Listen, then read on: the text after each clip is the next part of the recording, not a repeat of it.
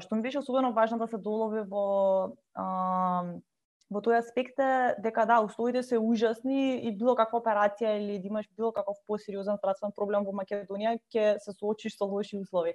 Така што тоа е генерален проблем на здравството. Но ова е проблем а, кој што е директно поврзан со а, насилство и вознемирување и лош третман на жени затоа што се жени. Мислам, едноставно а, фактот дека кога си во една таква позиција каде што си најранлива и се случуваш со толку голем интензитет на, на болка и на непознати чувства и слично, а, обштеството на некој начин а, те третира на најлош можен начин, ми беше, не знам, онака како мате тешко ми е да го да го вербализирам колку ми е а, вулгарно тоа што што им се случува на жените.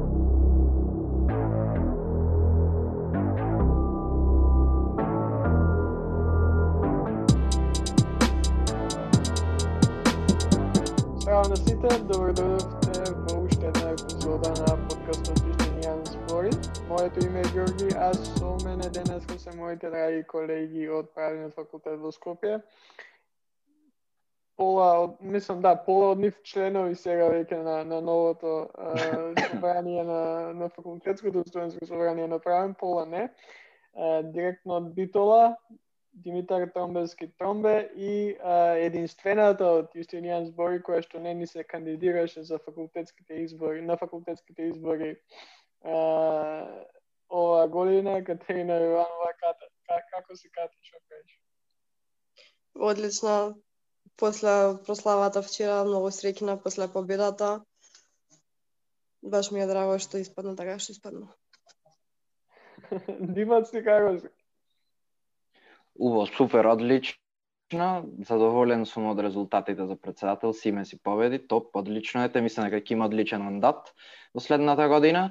Ама малце сум подразочаран во однос на заинтересираноста на студентите, како и за гласањето, така и за кандидирање. Можда поќе требаше да се кандидират и да гласат со оглед на тоа дека беше онлайн, но ќе видиме понатаму, најверојатно му се зголеми довербата во системот.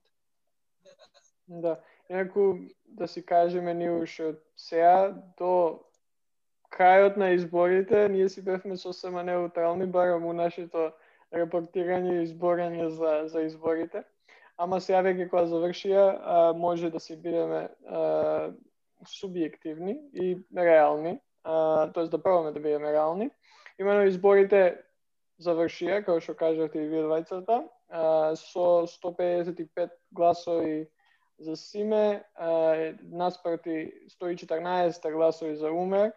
Симе ќе биде, well, првични резултати, ама мислам дека овие ќе се официализираат а, утре, а, понеделник, така што Симе Симеон Јанев ќе биде новиот председател на факултетското студентско собрание. И а, ќе се надоврзам на ова димат ти што кажа, а, проблемот со кандидирање и со гласање ако, ако добро сметав, од некаде 1500 студенти кои што беа на избирачките списоци, а, за председател гласа важеше лившиња 269. Тоа математички околу 17-18% излезност. Така што е доста поразително, а уште поразително е дека од цели 60 места за членови на, на факултетското студентско собрание, имавме само 29 кандидати. Од кои што 28 влегоа, бидејќи нема доволно против кандидати, и таму кај што имаше двајца кандидати, резултатот излезе 11-0, што вториот кандидат воопшто не ни гласал за себе, така што најверојатно се откажал уште од стајот која видел дека има двајца кандидати. Така што како за правен, како за факултет кој што може, еве, важи за најдобар правен факултет од државата, со се политички новинарство и односи со јавност, многу лошо, онака, објективно гледано. Ама, тоа е. Таму, мислам, подобро од некои други факултети секако смеаме и, и тоа не е за утех. Не е за утех и мислам, треба ФСС и, и председателот, па и Универзитетско студентско собрание да работи многу на тоа на подигање на свеста кај студентите за важноста од, од ваквите некои демократски процеси кои што реално до сега сме ги немале. Особено на правен факултет, самата природа на, на нашите студии, мислам нека не треба да дозволува ваков, таква незаинтересираност. Да. И не зборам само за ФСС, ФСС не е единствениот начин за студентско организирање и делување, туку генерално Точно, да. студентскиот активизам на било кој на секој план формален и неформален е стварно на многу ниско ниво на нашиот факултет. Да, иако студентите Мислам, ФСС не е единствениот кој што кажа кате студенти да се организираат. Доколку имаат некој проблем, не мора да се уклучат во работата на ФСС за да го решат истиот. Можат и на независен начин, ама сепак и то не се случува. Та, не знам зошто.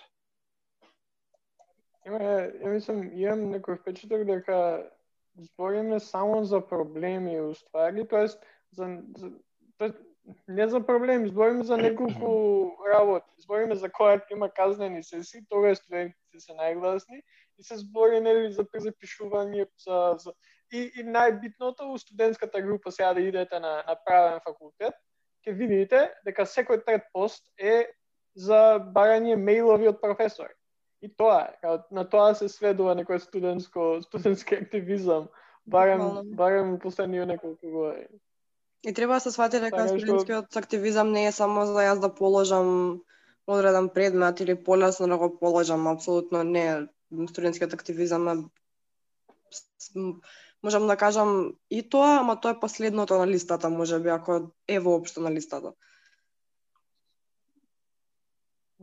Ама мислам дека тешко е дека нешто ќе сменим. Еве ние пробуваме, ама на крај ќе ти доаѓат и ти кажете Авангарда или Јустинијан е само YouTube канал кој што ништо не прави. Или тој стил ќе ќе ќе напаѓаат пошто реално нема друго што да кажат.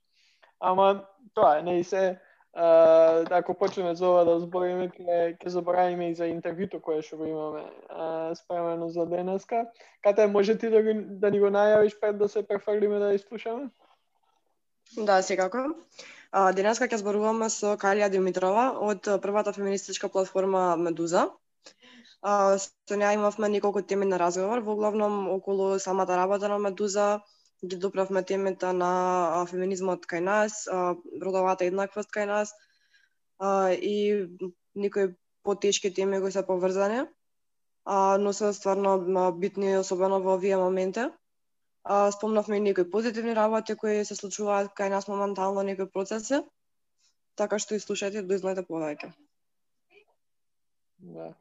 А, да, ја не ви должам многу и ви бе оставил да, да го слушате интервјуто со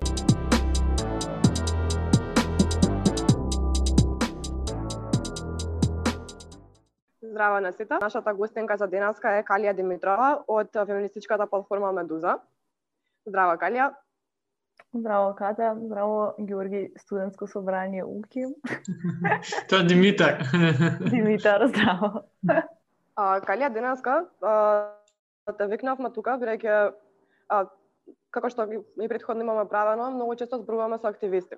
И сметавме дека она што што го прави Медуза е навистина важно во нашето општество и би сакале малце повеќе да позборуваме за тебе на таа тема. А, дали би можела да ми кажеш што конкретно е Медуза всушност? Можам. А, првин фала за поканата. а, како човек што има одреден дел од животот поминато на Јустинијан, драго ми е што се случуваат вакви работи.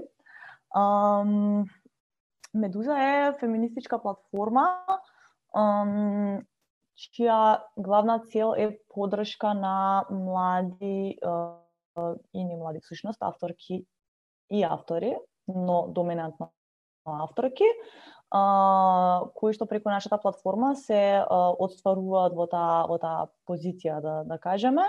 А, и генерално објавување на феминистичка содржина, а, но од време на време и правење на друг тип на акции, кампањи и слично, но сепак би кажала дека нашата а, нашата главна, како да кажам, функција е таа, односно порталот кој што се нарекува meduza.mk, а, а, а името платформа е бидејќи бидејќи на некој начин мисијата е повеќе од само објавување, туку креирање на, на некаков тип на, на заедница околу тие цели, значи пишување и објавување феминистички текстови. На кратко. Да, ја пред да навлецаме поеќе подетално со Медуза и за други останете работи кои што ги избориме, би сакал да те прашам, а, која беше мотивацијата позади самото формирање на таа платформа? Um, мотивацијата во најголем дел би рекла дека беше лична um, и веројатно беше потикната од um, uh, како да кажам uh, the lack of односно недостатокот да. Uh, недостатокот на ваков тип на содржини во uh, дигиталниот простор Uh, јас секогаш го кажувам там дека имаме супер феминистичка сцена и uh, организации кои што се борат за женски права и човекови права воопшто. Uh, меѓутоа пред да почна да постои Медуза, некако многу тешко беше тоа да се види осликано во дигиталниот простор, кој што е еднакво важен јавен простор колку и другите јавни простори каде што делуваме. Да а, а наспроти тоа многу лесно можеш да дојдеш до содржина од типот на лажни вести, од типот на говор на омраза, мизогинија, сексизам, хомофобија и слично. Um, така што мотивацијата генерално ми беше таа, а беше и, а и до некаде и, да кажам, посебична од тоа, односно сакав да читам феминистички текстови на македонски јазик, што сватев дека тоа секогаш го правам на англиски или на не знам, на српски, хрватски слично. А, а мислам дека особено за ваков тип на содржина многу е важно кога се пишува и се чита на на како да кажам на мечиниот јазик, бидејќи се се работи за многу жицо за некои теми кои што се поврзани со лични интимни искуства кои што секако имаат имаат политичка тежина, меѓутоа мислам дека дека е многу различно кога за локален контекст се се пишува на на собствен јазик. А, и да, генерално тоа тоа беше мотивацијата и секако да се гради некаков тип на архива на феминистичкото движење и мисла, што мислам дека пред тоа не се правеше, односно немаше едно место каде што можеш да отвориш и да видиш што се случува од настани, не знам, кои луѓе делуваат во тоа поле, а, по нешто теорија, иако не се занимаваме многу со тоа, ама од време на време. А, па така да го гледав и како некоја така практична алатка за да се соберат на едно место многу мноштва перспективи и лица на, на феминизмот, а, што мислам дека е многу хенди и мислам дека стварно секаде треба да постојат портали кои што се занимаваат со, со феминистичка содржина, бидејќи е, е богата, има многу што да се пишува, има што да се чита, никогаш не е доволно читање на такви теми, никогаш не може да си прееманципирани и слично, така што да, од прилика тоа. Ова многу го одговори моето следно прашање што сакав да го поставам. Фала ти. Ајде. всушност тоа беше како Медуза придонесува кон феминизмот. И баш убаво ми го одговори, бидејќи баш јас така ја гледам Медуза како алат како ја јас лично ја користам во надоградување на мојот феминизам. Значи, еден, еден простор каде што јас можев и себе да се надоградувам како феминист и гледам дека многу други го прават тоа околу мене. И каде што секој што е заинтересиран и е нов во темата, можам да го упатам за да види што всушност значи да се биде феминист, како тоа се прави, а, која е теоријата за тоа и мноштво други теми кои сега ги работи Медуза.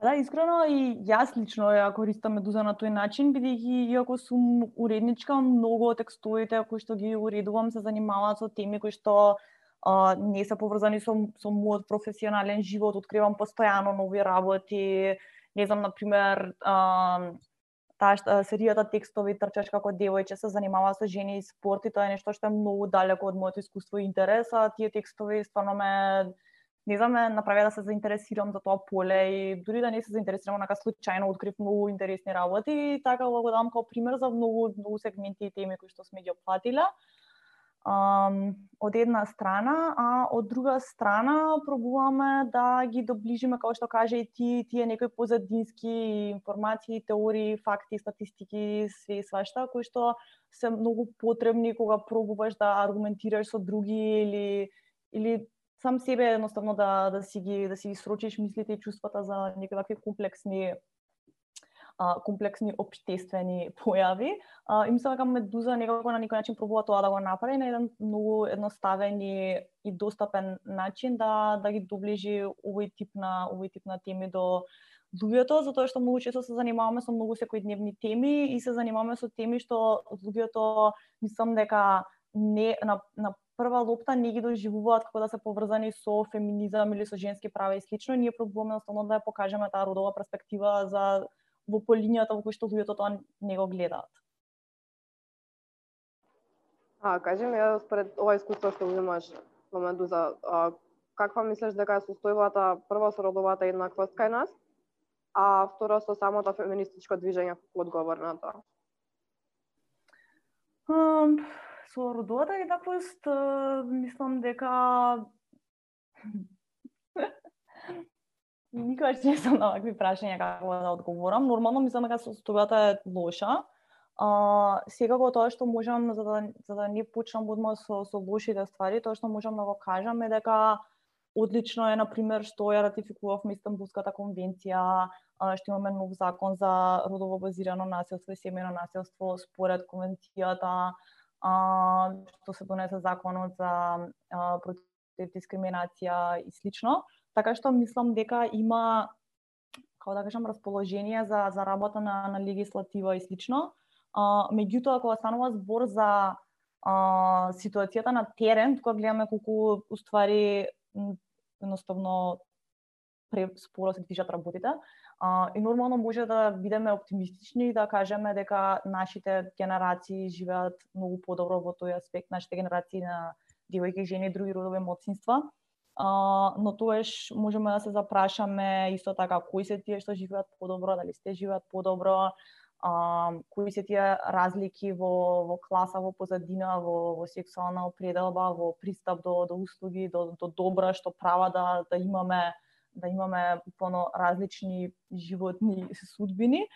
А, од една страна и од друга страна, а, затоа што ја спомнав легислативата, може да видиме како тоа се имплементира, се имплементира лошо и според мене тука е еден од клучните точки, на пример, нема доволно центри за згрижување на жртви на насилство, двојната виктимизација се случува постојано ако некоја жртва па се се одлучи да да пријави, а, медиумите ужасно известуваат за се што е поврзано со жени in general.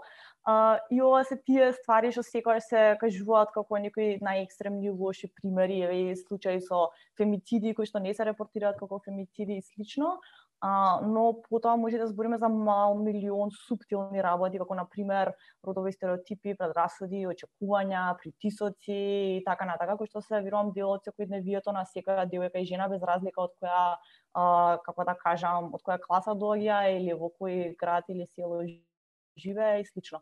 Така што ам, не сакам многу, мислам, нормално постојано размислувам на овие теми и секој ден ми се случува нешто што нака ме вади од кожа и ме подсеќа на на, на реалната ситуација. Например, вчера бев во продавница за алат и купував француски клучи, тие таму се понашаа буквално како нака да, да неам мозок и многу чудно се понашаа со мене.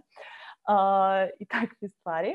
А ама од друга страна, да се надоврзам на твоето второ прашање, ситуацијата со а, феминизмот и борбата за женски права, Um, не знам, јас сега не можам да зборам uh, објективно за тоа што сум дел од таа сцена uh, и буквално многу работам, луѓето околу мене многу работат, сите луѓе што ги гледам се многу кои што работат во ова поле се многу посветени и од тоа што можам да го видам испоредбено со регионот и слично, мислам дека имаме доста вибрантна и, и супер сцена во тој поглед а, секогаш може да има подобрување, секогаш може според мене и да е многу важно да работиме повеќе заедно едни со други.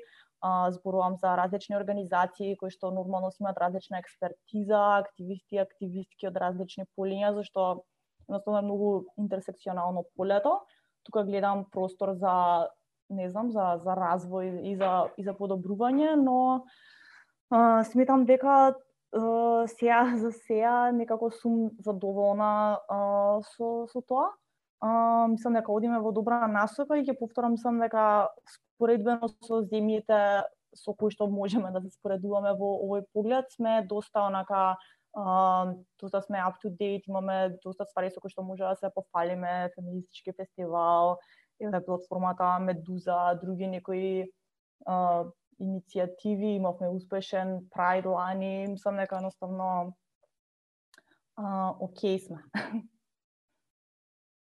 Да, е, јас сега да те прашам, бидејќи мислам веќе две години постоите како платформа Медуза. А, каков е Да. фидбекот кој што досега го имате? Што од а, жени, а исто така и од мажи? А, како, дали имате, тоест, да, каков фидбек имате до сега од во работата? А, секаков, нормално. А, тоа сега се ке се сеќавам пред две години кога ја отворивме Медуза. А, односно првин а, ја отворивме Facebook страната уште пред да ја отвориме страната, а, каде што немаше многу информации, имаше само неколку илустрации и краткиот опис дека Медуза е феминистичка платформа и т.н.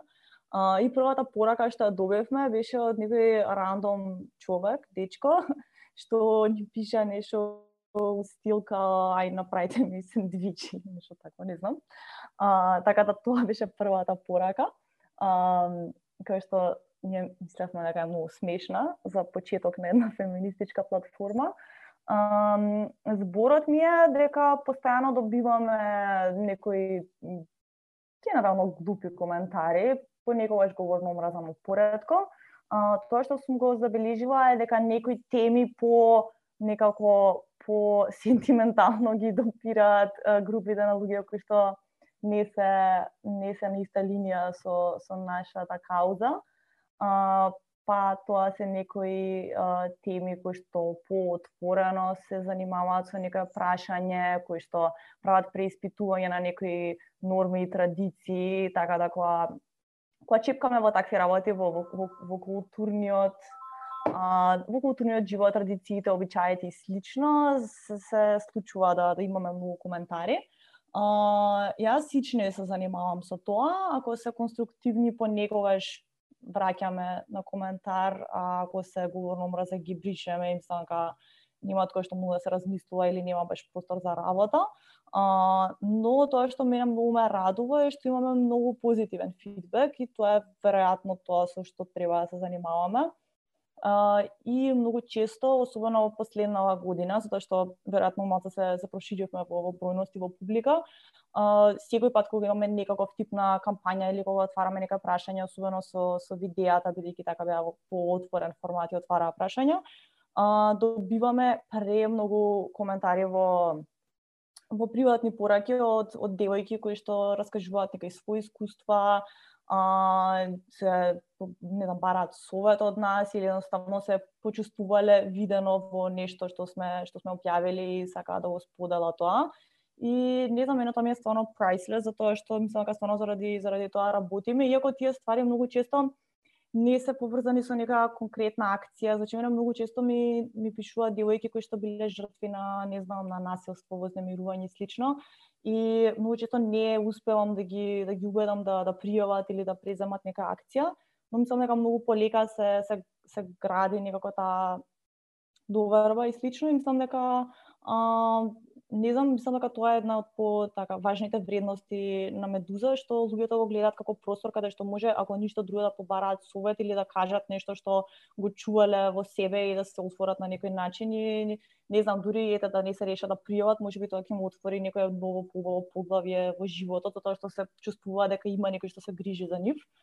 А, и а, да, тој фидбек ми е стварно стварно најзначен и секако конструктивните критики ми се исто така многу значајни. А, така што можам да кажам дека уште од нашиот почеток па до сега, секогаш кога правиме нешто што може да се свати како поконтроверзно или кога се работи за нека тема за која што јас лично немам многу знаење, имам луѓе кои што имаат повеќе искуство, кои што подолго време работат на стената, кои што се постручни или подкрепени теоретски и многу често се се консултирам, понекогаш мислам дека со нешто сум сгрешила, па пробувам да го да го подобрам, така што мислам дека и во тој аспект сме сме доста отворени и мислам дека да тоа треба да продолжи да биде така бидејќи нормално некогаш ретроспективно гледам дека нешто сме можеле подобро да направиме. А, така што да, тоа е тоа. Мислам генерално ми е многу драго што воопшто има фидбек затоа што јас кога замислував Медуза мислам дека ќе бидам сама јас и ќе си пишувам текстови, никој нема да го чита и сега е, е нека скроз друга реалност и тоа многу ме радува. Да, платформата Медуза може да се пофали со голем број на проекти и иницијативи, но еден проект кој јас сум фасциниран е проектот а, Сега кажувам. Ако може да ни објасните а, како дојдовте до идејата за таков проект и што што е тој уствари за ако некој од гледачите не знае? А, сега кажувам, а, беше кампања која што не ја организираше Медуза. А, не сум ни сигурна дали тоаш постоеше Медуза. Мислам дека постоеше, може би Зашто не пријавив мислам дека во таа насока беше прашањето за зошто не пријавив во 8 март. Да, да, да, во таа насока, да. А, добро. Пошто сега кажувам, сега кажувам си, ние бевме дело тоа како ки, како луѓе кои што споделија својата приказна. А, и деломно зашто не пријавив беше инспирирано од сега кажувам, затоа што не знам, некако поврзани се стварите. А, сега кажувам беше прва, првиот бран беше под хаштагот сега кажувам, како пандан локален на, на, на Миту се споделува а, искуства со а, сексуално вознемирување поврзано со а, различни со дискрепанции во позиции на моќ. А, а, зашто не пријавив, мислам дека се случи една година подоцна. А, лани, успри да, преточно една година и беше на некој начин дел од тој период се погоди поврзано беше со 16 дена активизам против родово базирано насилство. А, зошто не пријавив е всушност а, акција која што постои на глобално ниво, се вика Why I Didn't Report. Um, така ја најдовме, така да не е оригинална идеја. Um, меѓутоа тоа што можеше да се забележи пред таа акција и зашто сакавме тоа да го направиме е дека во голем дел uh, во периодот особено кога се случува 16 дена активизам против водово базирано насилство и општо кога се зборува за за родово базирано и семејно насилство и слично, многу акцент се става на фактот дека жртвите не пријавуваат и тоа е многу важно, но меѓутоа исто така еднакво е важно да зборуваме од кој аспект се раскажува тој наратив, затоа што многу често се очекуваат жртвите а, по дефолт да треба да пријават, иако не пријават, на некој начин повторно вината се бара кај нив, као едноставно си можела да пријавиш. Um, А ние работејќи од другата страна, бидејќи Медуза е на некој начин во делот и Хелсиншкиот комитет за човекови права, така да имаме и, и пристап многу до, до, до таа страна на стварите, а, можеме да видиме дека има мал милион причини зашто жртвите не пријавуваат а, насилство и едноставно со оваа акција сакавме во јавниот простор да а, да дадеме акцент на на тие причини со тоа што собравме многу сведоштва и а, и слично од а, не знам, наши другарки, колешки, познанички, роднини, дел од сведоштвата ги собравме од интернет, ги спишувавме на тие постери, со тоа што оставивме и постери за да можат да луѓето во јавниот простор да допишуваат ствари и дел од нив, ако не и повеќето, стратешки ги поставивме на некои клучни места во градот, што мислиме дека треба да а, на кој што треба да биде свртано светлото, односно полициски станици, а, собранието, судовите а, и така натака, кои што ги гледаме како клучни точки за причината зашто повеќето жртви не пријавуваат насилство, наместо нели топката да се врти кај кај самите жртви да се очекува дека а, дека едноставно треба сами да да го изодат тој пат и дека нема пречки на истиот. Um, така да, да, тоа беше тоа од прилика. Um, може би ќе правиме нешто слично оваа година, не сум сигурна. Um, меѓутоа и тогаш имаше многу, многу фидбек таа акција. Uh, исто многу луѓе почнаа да ни пишуваат uh, во коментари, во пораки. Uh, проблемот е на еднакво, еднакво важен колку, колку и пред една година. Uh, и да, непријавувањето на, на насилство станува да биде еден од, од главните проблеми која зборуваме за а, како да кажам, ниските проценти на тоа звучи лошо. Не ниските проценти, ниските проценти на пријавено насилство, да. Медуза пред скоро време имаше еден исто многу интересен проект околу друг вид на насилство кон жените а, тоа во кои услови се во какви услови се пораѓаме. Mm -hmm.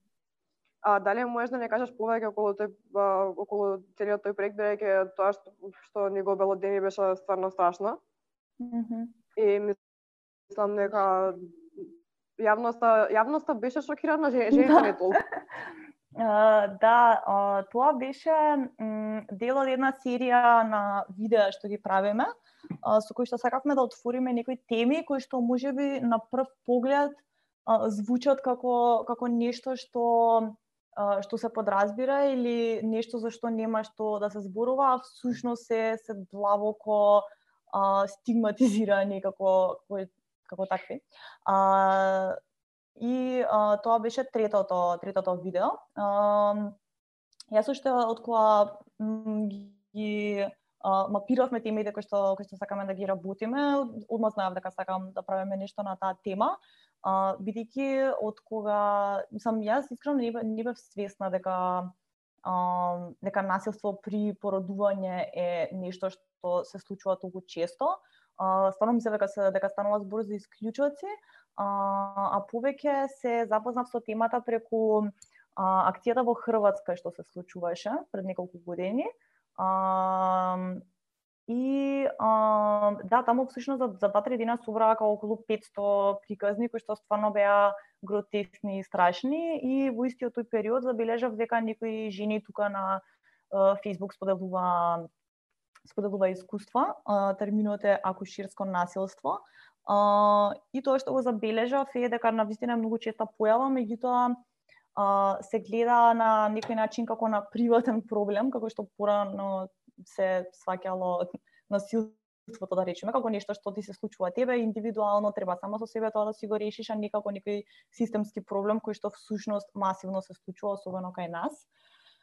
Um, веќе знае знаев од прилика дека дека дека многу жени биле жртви на на ваков тип на, на насилство и дури кога не станува збор за насилство, едноставно лош третман.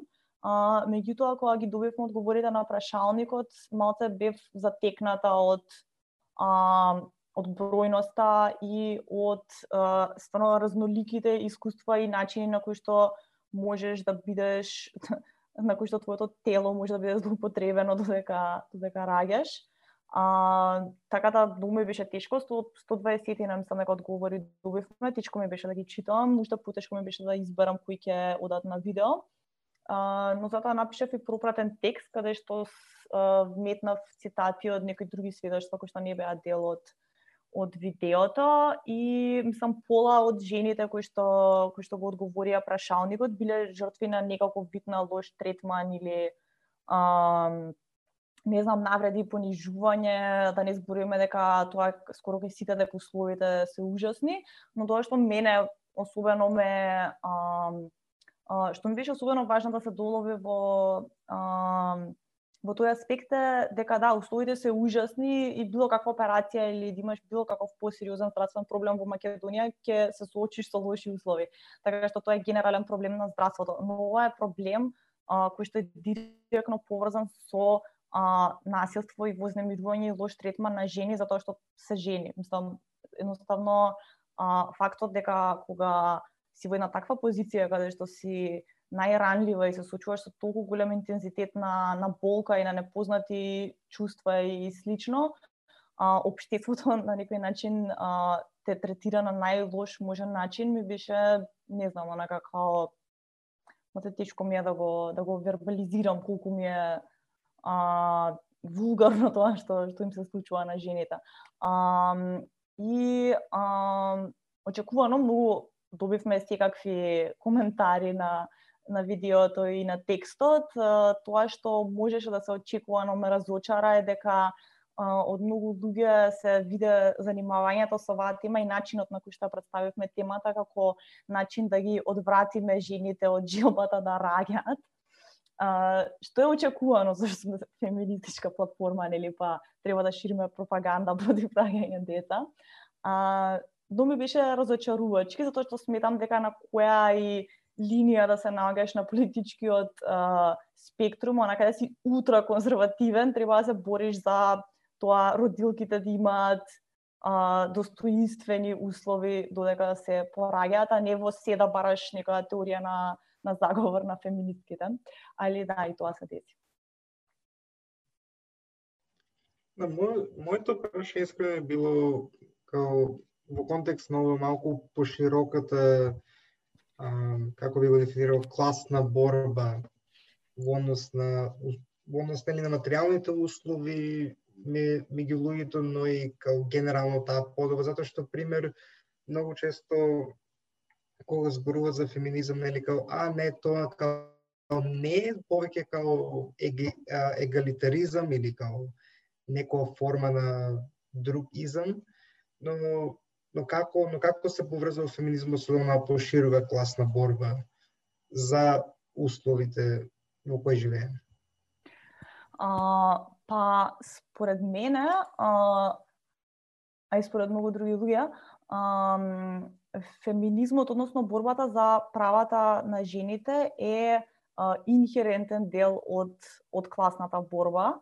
А, например, тоа ете сега можам директно да го поврзам преку пример со претходнава тема која што ја зборувавме.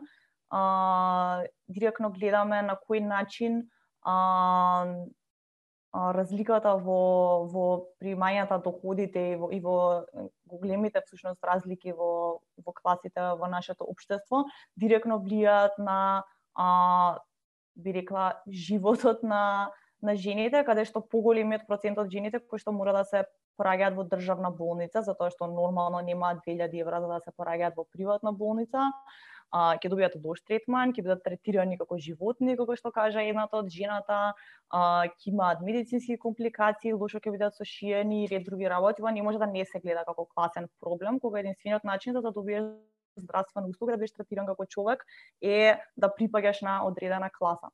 А, понатаму, а, ова исто така онма може да се нели да се поврзе со а, индустриите кои што се најмалку платени кај нас, како кај нас, така и глобално. А, ние на неколку наврати а, споделувавме а, сведоштва и приказни од животите на текстилните работнички а, од различните погони низ Македонија, кои што ги поврзавме со, со COVID пандемијата. Um, и повторно сам станува збор за за како да кажам за за преживување. Како првом сам знаеме дека условите во текстилната индустрија се страшни во во однос на на примања, на а, начинот на кој што се се добиваат, не знам, бланко откази и секакви други други правни прекршувања кои што со кои што се соочуваат жените таму. А, меѓутоа во вакви услови, во услови на здравствена криза и слично гледаме а, на кој начин всушност се до, и до кој степен се експлоатирани нивните тела и животи и тоа во голем дел се работи за работнички, односно за жени. А, така што а, кога ќе ги земе сите овие само вие два примери обзир, а, мислам дека се доловува до, до некаде таа слика и не знам, мене секогаш ми се поврзани овие ствари, затоа ми е многу смешно кога не знам нешто се збори за а, конзервативен феминизам или или не знам си што и некако феминизмот и, и неолибералните логики се меѓусебно исклучиви затоа што во центарот на феминизмот идејата е а, разнишување на на центрите на моќи и хиерархиите за едно по егалитарно општество, така што кога некој ќе каже дека не е за феминизам, ама е за хуманизам, мене тоа ми е едноставно смешно и порано се занимавам со тие прашања, веќе не се занимавам затоа што се работи за многу како како да кажам длабоко непознавање и неразбирање на на суштината на феминистичките вредности.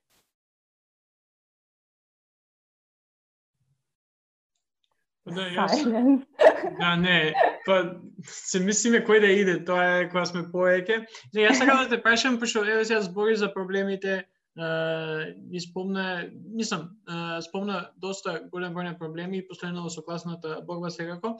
Каков е одговор на институциите кон, кон се во државата? Дали гледаш некаде подобрување, еве, од која Медуза има почнато, овие последни две години, дали гледаш воопшто некакво подобрување и дали има некои знаци на живот која станува збор за институции за решавање на некои овие проблеми за кои што зборувам? А, мислам дека а, тој даден период е многу краток за да се да се анализира било какво институционално подобрување, али у секој случај кој што кажав на почетокот, тоа што може да се забележи со ова власт, да речеме, е дека постои таква отвореност а, за соработка со луѓето кои што имаат експертиза во овие полиња. А, тоа се луѓето кои што работат во невладиниот сектор во нашата држава, а не се обично луѓето кои што работат во институциите. А, така да тоа е за поздрав. Добрата легислатива е за поздрав. Меѓутоа, а, тоа што мене ме загрижува е дека ние во оваа земја и особено луѓето кои што се маргинализирани и особено луѓето кои што се екстремно маргинализирани се оставени на милост и немилост на а, владеачката гарнитура. Затоа што едноставно администрацијата е толку нестабилна и а, како да кажам, насоката на целата држава е толку нестабилна, што ти можеш да очекуваш на следните избори ако се смени власта да се донесат сите, не знам да се вратат некои закони кои што беа многу лошо срочени, можеби повторно да се воведе а, законот а, за прекинување на бременост кој што беше многу проблематичен. А, и едноставно постојано има таков некој а, а, односно има постојано има недостаток на на континуитет и заради тоа многу е тешко да се види било каков институционален прогрес, затоа што институционалниот прогрес се базира на расположението на моменталната политичка партија на власт и тоа е многу небезбедно, несигурно и нестабилно како како такво за за луѓето кои што буквално зависат од а, законите, мерките, амандманите и така натака. А, Ако ќе видиме некој практичен пример од тоа што е актуелно оваа година е дека а, повеќето од мерките за кои што се справуваа со здравствената криза а, не не беа доволно промислени, а, не беа доволно специализирани за да одговорат на потребите на различните групи а, граѓани, така што тоа што може да се забележи е дека маргинализираните групи во општеството се често маргинализирани дополнително во, во вакви ситуации, затоа што не се гледаат како а, како групи и заедници за кои што треба и во вакви ситуации, во ситуации на здравствена криза, едноставно дополнително да се а, да се адаптира легислативата, мерките или или како и да е за да има помалку страдање. А, така што а, јас сум многу песимистична за овие работи и заради тоа всушност и а, не пробувам да не се фокусирам толку на тоа, затоа што забележувам дека а, не ми годи, а на менталното здравје, а мојата работа ми е, ми е дала таа привилегија да можам да се бавам со други работи, така што јас генерално пробувам промената да ја барам и да ја крирам во работа со заедница, во некои промени а, од доле нагоре и слично, а нормално соработувам со луѓе кои што работат другата страна, затоа што еднакво е важно да се работи со институциите, да се работи на, на подобрување на а, политиките и слично, само што јас не сум човекот што има а, нерви да го прави тоа. Да, како што забележавме, спомнете преска, во самата криза, еве, жените конкретно беа доста оштетени во смисла на колку рип на бројот на семена насилство, колку рип на бројот на фемицидите, генерално родово базираната насилство натре во домот, значи бројките кажуваат дека стварно мерките беа несензибилизирани за овие зедници, апсолутно. И самата реак... самите реакции на засагнатите институции се ненавремени, непостоечки, така натаму. Да. А и всушност кога збориме, мислам, мерките се многу важни, но во вакви ситуации гледаме колку а, едноставно обштественото ткиво мора да да се менува затоа што а, многу од а, многу од пропустите а, обштествени институционални кои што во нормални услови се пропусти, на пример дека нема доволно згрижувачки центри за жртви, дека нема доволно а, градинки, дека не знам, мал, мал милион вакви работи што им го отежнуваат животот на жените, меѓутоа никој не ги чувствува како доволно pressing issues а, во една ваква ситуација во која што се најдовме, каде што треба да се реагира брзо и треба да се реагира веднаш и треба стварно тоа да биде издржано и, и одржливо, гледаме дека едноставно тоа не може да се направи, затоа што ти да направиш нека мека, таа нема да биде функционална, ако ти немаш, на пример, физички немаш доволно простори обезбедено за да бидат грижувачки центри. Мислам, ти можеш да направиш таква мерка, ама ако немаш способност и, а, и можност а, да го извршиш тоа на пример, да отвориш доволно физички центри, зашто бара доволно логистика и а, и слично, едноставно мерките ќе ќе бидат не функционални. И слично е и со грижата за стари, која што исто така во голема мера паѓа на врз грбот на жените во нашата држава, затоа што тоа се очекува дека е нивна работа и во нормални услови никој не се занимава со тоа прашање, после се случува нешто вакво каде што треба и да работиш од дома и да се грижиш за стари, за деца и, и за, за што уште не. И државата нема како да одговори на тие спет, специјални, кои што не се специјални потреби на граѓаните и граѓанките. И нема, нема како да може, затоа што не е подготвена едноставно. И не ги гледа овие а, пропусти обштествени, кои што стварно се базираат врз некои родови стереотипи. Јасно. А, Калија, фала ти многу за денеска. Оваа епизода беше стварно според мене преубава, препродуктивна и преедукативна. Фала ви. и огромна подршка од Јустинијан збори кон Медуза од една платформа на друга платформа.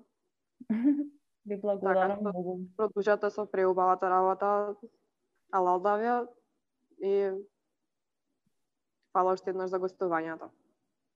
Фала и на вас уште еднаш што ме поканивте и слободно пуштате го гласот за Медуза низ студентските ходници. Апсолутно. Секогаш ни треба нова публика и нови авторки.